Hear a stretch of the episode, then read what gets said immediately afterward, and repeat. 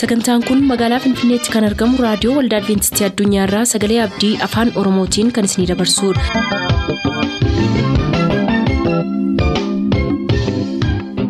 Harka fuuni akkam jirtu kabajamtoota dhaggeeffattoota keenyaa nagaa fayyaanne waaqayyo bakka jirtan maratti isiniif haa baay'atu jechaa sagantaan nuti har'aaf qabannee isiniif dhiyaannu sagantaa maatiif sagalee waaqayyoo ta'a gara sagantaa maatiitti haa dabarru.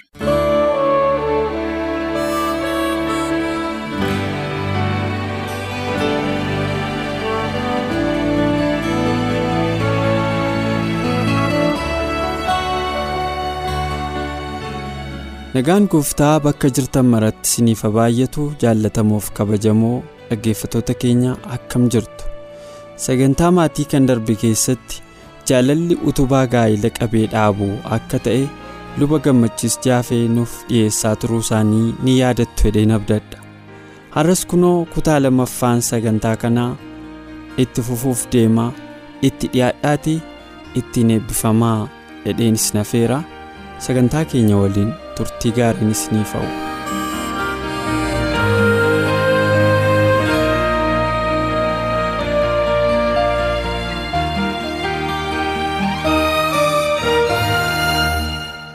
Jaalala kennuudhaaf fudhachuu namoota baay'eedhaaf jaalalli fudhachuudha malee kennuu miti dogoggora guddaa maatii keessatti gaa'ela keessatti raawwatamu keessaa tokko isa kanadha.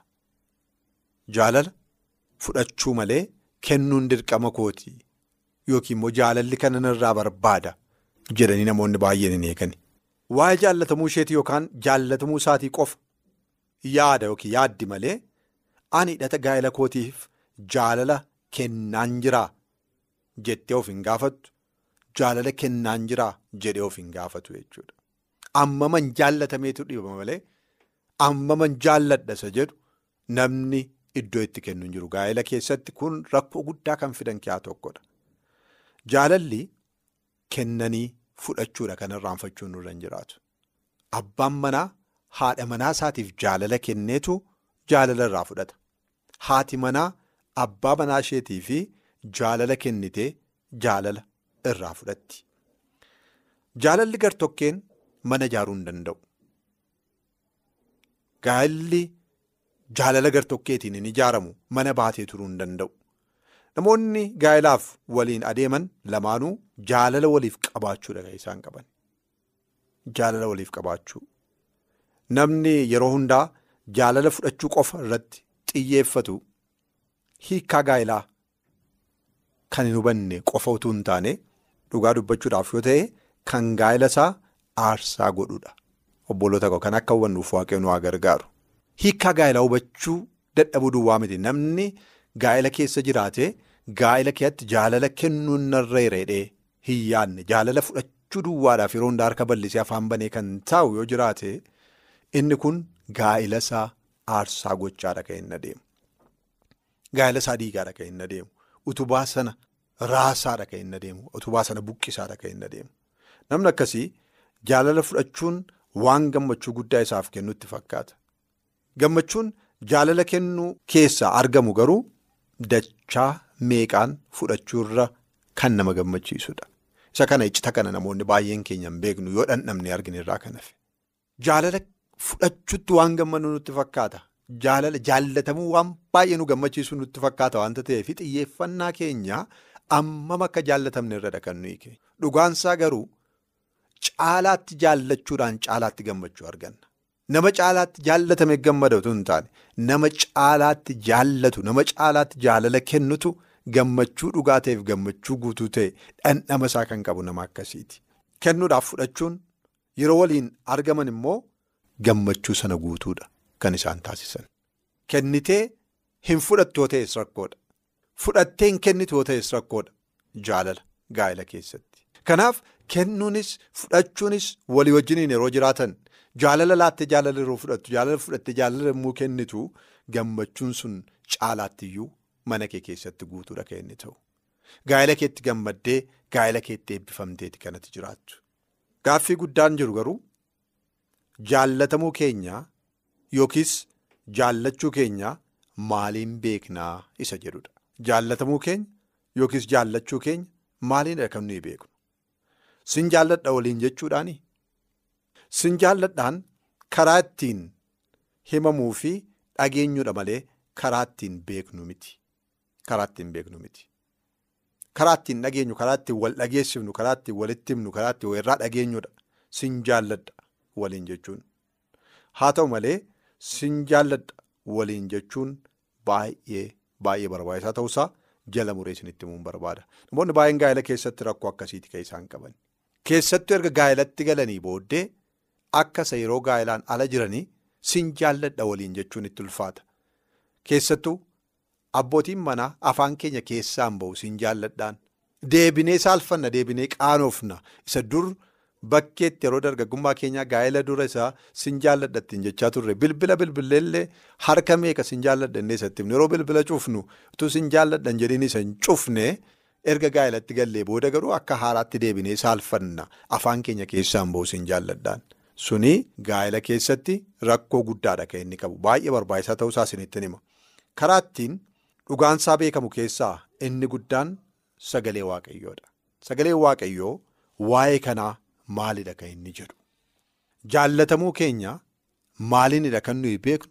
Jaallachuu keenya maaliin beekna? Sagaleen waaqayyoo waa'ee kanaa maal nuun jedha?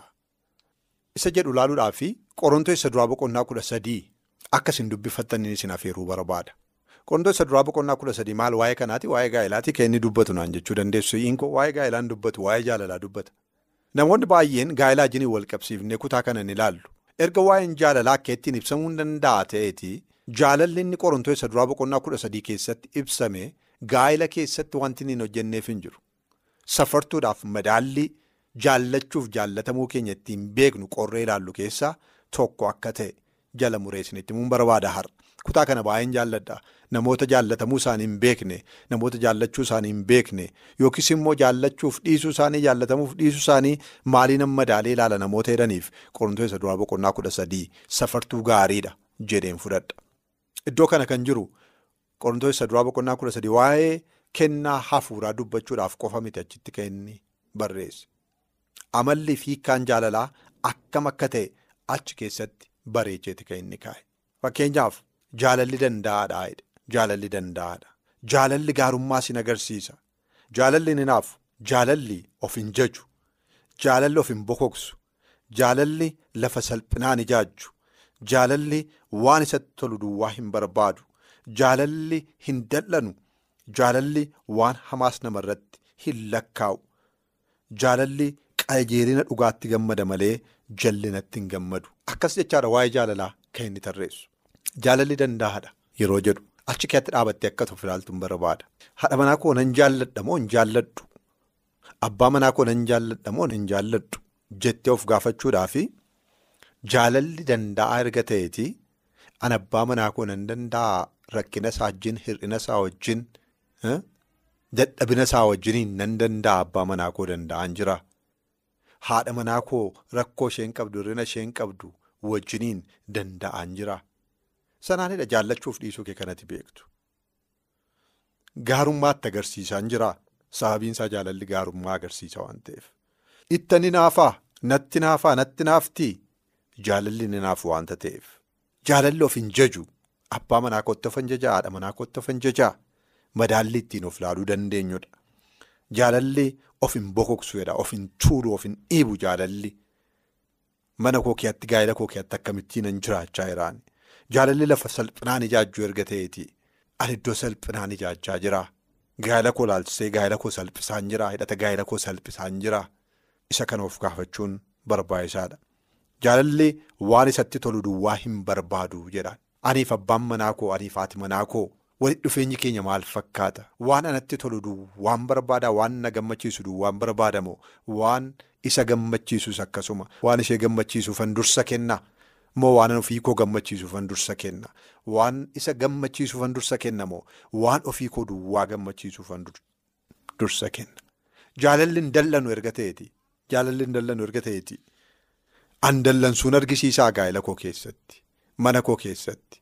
Waan xinnootta nuuruu dhiibaa. Waan xinnootu dafee na dallansiisaa. Amala dallanuun qabaa. Sun amala jaalalaa miti. Kanaaf isa of keessaa baasaa isa dhabamsiisaa deemuu danda'utu nurra jira. Jaalalli waan hamaas namarratti lakkaa'u jedha.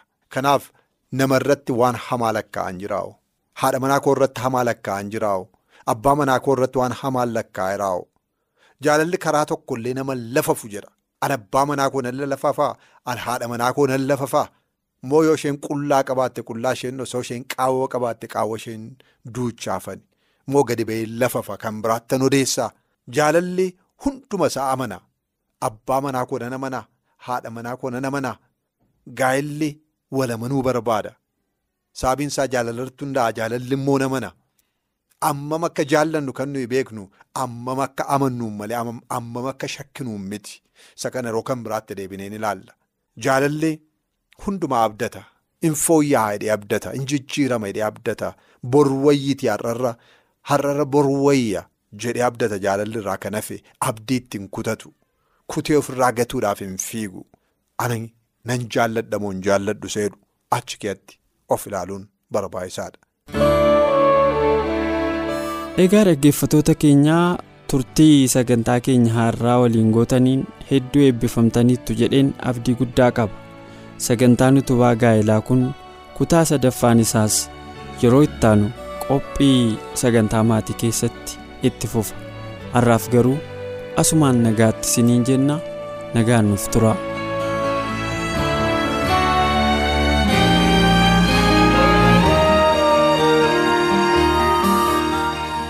turtanii raadiyoo keessan kan banattan kun raadiyoo adventistii addunyaa sagalee abdiiti.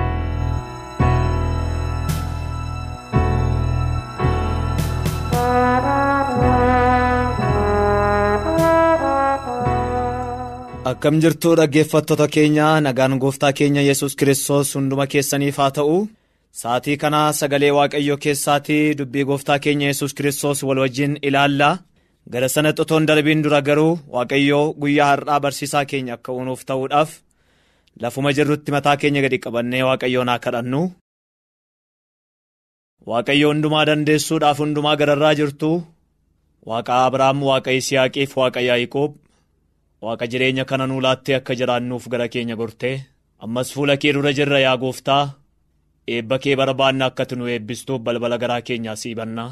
dubbiin kee humna qaba humna eebbisu humna fayyisu humna abdii of keessaa isa qabu gara sagalee keetiin gara jireenya keenya akka dhuftu gara mana tokko tokkoo keenya akka ol seentu dubbii kanaan abdii kan kutate lubbuun abdii argachuu akka danda'uudhaaf manni abdii kutate abdii argachuu akka danda'uudhaaf karaa sagalee kanaatiin mana saba kee mana ijoollee kee akka ol seentu sin kadhadhaa. Nu gidduutti argami karaa sagalee kee kanaan nu eebbisi. Tola keetti si kadhanne maqaa gooftaa yesuusiin. Aameen. kan jaalatamtan dhaggeeffattoonni saba waaqayyoo mana keessan teessanii dubbii waaqayyoo dhaga'uudhaaf reediyoo keessan banattanii sagalee waaqayyoo kan kennitan karaa sagalee isaatiin waaqayyoo mana keessan keessatti akka argamuudhaaf balbala garaa keessanii kan bantan hundumaa waaqayyoo isin haa eebbisu jechuudhaan yeroo kana ammoo sagalee waaqayyoo gooftaa keessaatii dubbii waaqayyoo kan nu eebbisu eebboof keessaa kan qabu ilaallaa macaafa keenya macaafa qulqulluu keessaa uumama boqonnaa 26 lakkoofsa tokko hanga 22tti ofii keessan dubbifachuu dandeessu. Ani garuu sagaleen gooftaa kan inni jedhu iddoo tokko siniifan dubbisaa xiskii kanaa gara xumura isaarraatii gara lakkoofsa 20 irraatii hoggaa dubbiftan sagalee akkana jedhu argattu. Tiksoonni warra geeraar bishaan kun kan keenya jedhanii tiksoota yisihaaqitti qoccolloo kaasan. Sababii isaan bishaanichaa isatti falmaniif yisihaaq maqaa boolla bishaanichaa eeseek jedhee moggaase. Eeseek jechuun falmaa jechuudha. Kana booddees hojjettoonni isaa boolla bishaanii kan biraa hin qotan. Isa irrattis immoo warri geeraar qoccolloo in kaasan. Yisihaaqis bishaanicha siixinaa jedhee moggaase. Siixinaa jechuun amajaajii jechuudha. Yommus yisihaaq achi adeemee boolla bishaanii kan biraa qochisiisee isa irratti garuu namni qoccolloo hin kaafne. Kana irratti inni amma waaqayyoo iddoo bal'aa nuuf kenneera. Nuyis biyyicha keessatti in baay'anna jedhee maqaa boollichaa reebootitti moggaase. Reeboot jechuun bal'inaa jechuudha jedha. Sagalee kanarratti akkuma argitan rihooboot kan jedhu argitu akkuma iddoo kanarraatii arginu rihooboot ka jedhu mata duree yookaan immoo jecha kanarratti sagaleen waaqayyoo kan nutti dubbatu laalla? Ee kunoo akkuma dubbatamu macaafa qulqulluu keessatti jecha riyooboot jedhu kanan arganna. Riyooboot kun salphaatti miti. Kan inni dhufe sana bira otoo hin gahin dura mee sagalee waaqayyoo gooftaa keessaatii seenaa dudduuba deebi'uudhaan seenaan riyooboot kun dhaloota isaa keessa yookaan bara isaa keessa kan argamee fi jechi kun kan itti dubbatame bara Yisihaaq keessa waan ta'eef seenaa Yisihaaq duuba deemnee haa ilaallu. Yisihaaq mana abbaa isaa keessatti jaallatamaa fi ilma kakuudhaan alate bara dulluma isaa keessa Abiraam akka argate marri keenya iyyuu beenna. Haa ta'u malee Yisihaaq bara isaa keessatti mana abbaa isaa keessa waggaa jiraatu jaalala Abiraam waaqayyoon jaallatuu fi kakuu waaqayyoo Abiraamiif qabus hubachaa xiinxalaa mana Abiraam keessatti akka inni guddate seenaan macaafa qulqulluu ifa godhee kaa'a. Bufuma kanaan mana sana keessa waggaa jiraatu Yisihaaq jireenya isaa hundumaa akka abbaa isaa waaqayyoof laachuudhaan jireenya isaa keessaa iddoo olaanaa waaqayyoof kennaa akka ture macaafni qulqulluu ragaa ga'aa godhee dhiyeessa. Seenaa keessatti akkuma beennu guyyaa gaaf tokko gaafa inni waaqayyootiif waadaa seene Abiraam tokkicha ilma isaa kana dabarsee waaqayyoof kennuudhaaf waaqayyoo wajjin yoggaa itti waadaa seene sanatti ilma isaa wajjin gara gaara mooriyaatti akka inni deeme macaafni qulqulluun hin dubbata. Achumaan erga achi deemaniitiin booda karaarra ga'anii Yisihaaq bara dulluma Abiraam keessatti kan argame kun sagalee tokko yookaan immoo gaaffii guddaa tokko toonni Abiraamiin gaafatu argina. Abbaayee jedheen ati kanaan dura aarsaadhaaf gara gaara kanaatti yoggaa deemnu billaanis hin jiraata qoraanis akkasumas immoo hoolaan aarsaa taatuun argama. Har'a garuu waan sadan kana keessaa tokko dhabeera. Billaanis kunoo qoraanis kunooti.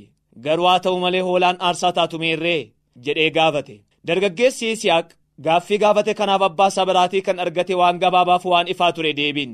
Innis immoo Waaqayyoo hoolaa aarsaatiif taatu hin qopheessa yaa ilma koo ka jedhu abbaa isaa biraa erga deebii argatee booda gara gaara sanaatti erga ol ba'anii Abiraam gaaffii inni dura gaafate sanarra deebi'ee yaada sana ibsuudhaan Waaqayyoof aniif Waaqayyo waan tokko wajjin waadaa seenneerra. Waaqayyo akkana jedhee gaaffii jaalalaa na gaafate tokkicha ilma kee qabdu sana aarsaa godhee anaaf dhiyeessi jennaan. Anis immoo tole jechuudhaan Waaqayyoo koof waadaan seenera yaa Yisihaaq. Kanaaf ani siitiin aarsaa dhiyeessuuttan jiraa jedhee yaada dhiyeesse. Sana booda Yisihaaqis dubbii kanaaf dargaggeessa ta'e otoo jiru fiigichaatiinis jalaa ba'uu otoo danda'u kana gochuu hin barbaanne. Abbaa isaatiif amanamaaf eeyyamamaa ta'e billaa sanaatiifis morma isaa dabarsee kenne. Sana booda dhimmi kun yoggaa inni qoraan sanarra kufee morma isaa aarsaa waaqayyoof ta'uudhaaf yoggaa inni kennu sagaleen waaqayyo waaqa biraa dhaga'amee hoolaa waaqni qopheessarra billaa sun taa'ee Yisihaaq immoo jalaa akka ba'ee seenaa kana laalla. Namni kun iddoo kanatti seenaan nu ibsu yoo jiraate jireenya isaa kan waaqayyoon hin mararsiifannee fi jireenya isaa keessaa iddoo olaanaa waaqayyoof nama kennu Yisihaaq nama akkasii akka ta'e dudduuba seenaa isaatii ilaalla. Ammas wal'aansuuwwan hundumaa keessa erga darbee Yisihaaq baala guddina isaa keessatti abbaa isaa fi haadha isaa du'aanis erga dhabee booda gara biyya geeraar akka jedhamutti akkuma kutaa macaafa amma qulqulluu keessaatii dubbifne gara kutaa biyya geeraaritti akka gadi bu'e sagaleen waaqayyoo ifa godhee kaa'a. Sana booda biyya sana keessa hoggaa jiraatu biyya sana keessatti beelli akka isa mudate sagaleen waaqayyoo hoggaa kaa'u sana booda inni jireenya isaa keessatti wanta gochuun irra jiraatu namoota baay'ee ollaa isaa hoggaa laalu. Namoonni gara biyya gibsiitti gadi bu'aa turani. Inni garuu gara biyya sanaatti gadi bu'uu hin barbaanne. Sana booda sagalee waaqayyoo waaqarraa itti dhufe gara Yisihaaqiin yaa Yisihaaq ati gara biyya gibsiitti gadi hin bu'in. Biyyuma sana keessa taa'i. Anis immoo waan ati ittiin jiraattuuf kanatti itti keessa jiraattu siif nan kenna jechuudhaan waaqayyo Yisihaaqiif waadaa seene.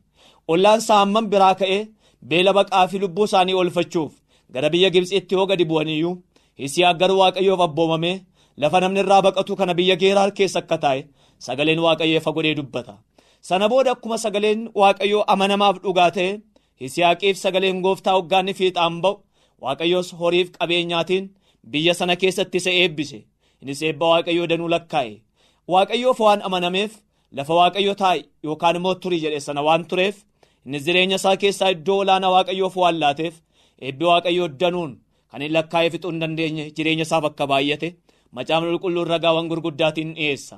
Sana booda biyya geeraar keessatti otuma taa'aa jiru kan isatti hinaafan gara isaa dhufuudhaan boolla abbaan isaa qoteef abrahaam biyya sana keessa ka jiru. Horii isaa obaafachaa akka ture sana jalaa duuchuudhaaf namoonni akkama akka isaan mari'atan kutaan macaafa qulqulluu kun ifa godhee kaa'a sana booda boolla abbaan isaa isaafii qote kana dhaala abbaasaa kan argate kana yoggaa namoonni dhufanii jalaa duuchan.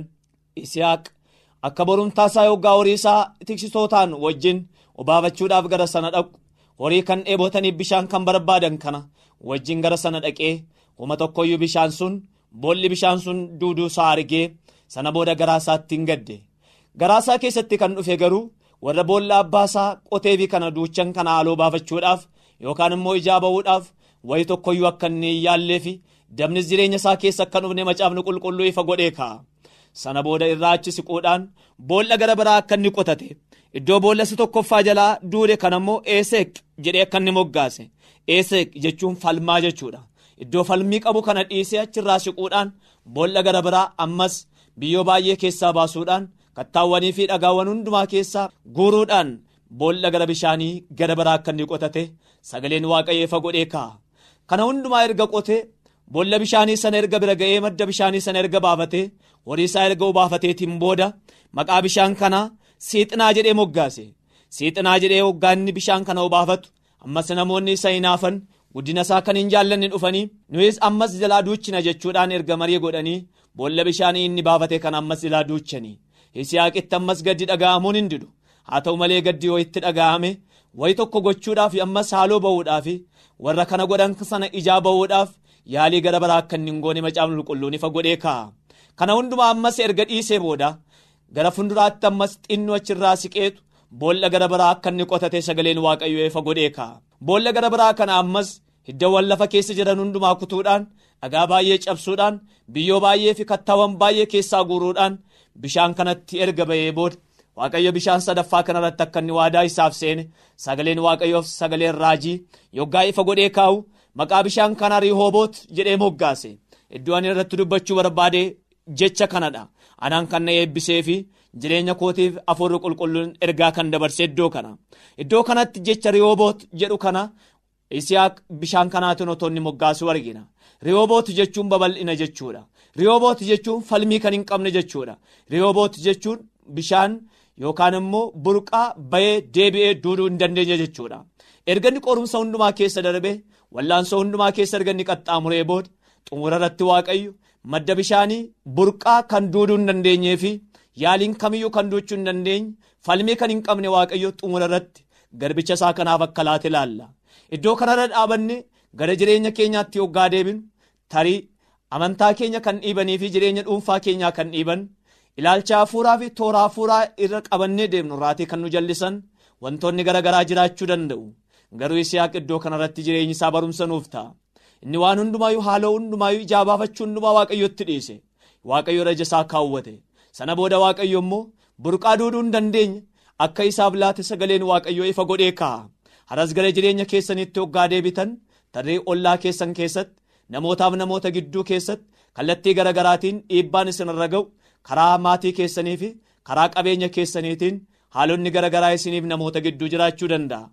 Jireenyi isiyaaq iddoo kanarraa kan isin barsiisu yoo jiraatu hamma xumuraatti wanta isinirra ga'e dadhabbii hundumaa waaqayyo irra yoo kaawwattan waaqayyo guyyaa isaa eeggate kan diinni keessan duuchuu hin dandeenyee fi kan diinni keessan dhabamsiisuu hin dandeenye burqaa eebbaa gaarii tokko kan humni kamiyyuu duuchuu hin dandeenye waaqayyo isiniif baasuudhaaf guyyaan waaqayyo fuuldura keessan akka jiru akka itti yaaddaniif sagaleen waaqayyo ifa godhee iddoo kanarratti nuu ka'a. Kanaaf haala isin keessa jirtan keessa waan beekuuf hafuurri qulqulluun yeroo kana sagaleen waaqayyoo gara keessan dhufeera. Kanaaf isin haala maal keessa jirtu laata waaqayyo akka dhuunfaatti isiniin gorsuudhaan waan dhufuuf kanaaf iyyuu haala keessa jirtan hundumaa keessatti akkuma isiyaaq gara waaqayyoo ilaale gara waaqayyoo ilaala jireenya keessanis dabarsaa waaqayyootti laadhaa. Wanta wal'aansoo isinitti ta'e hundumaa dabarsaa harka waaqayyootti kennaa. Waaqayyoos guyyaan isaa yoggaa ga'u. Waaqayyo obsa keessan yoggaa laalu. Isinis amanamummaan keessan toora hafuuraa irra deemaa jirtan sanarraa bitaatti mirgatti hin gortan taanaan inni hundumaa danda'u waaqayyo simoocha isiniif kenna. Guyyaa tokko isinii fida waaqayyo guyyaa inni itti mana keessaniif ijoollee keessaniif maatii keessaniif waldaa keessaniif akka dhuunfaa keessanittis burqaa harki nama kamiyyuu duuchuuf cuqqaaluu hin dandeenye waaqayyo guyyaa isaa eeggatee isiniif baasuudhaaf jira. Kanaaf maarree iji keessan gara waaqayyo haa ilaalu. Iji gara waaqayyoo ilaale yoomiyyuu qaana'ee hin beeku. Waaqayyo waadaa seeneera.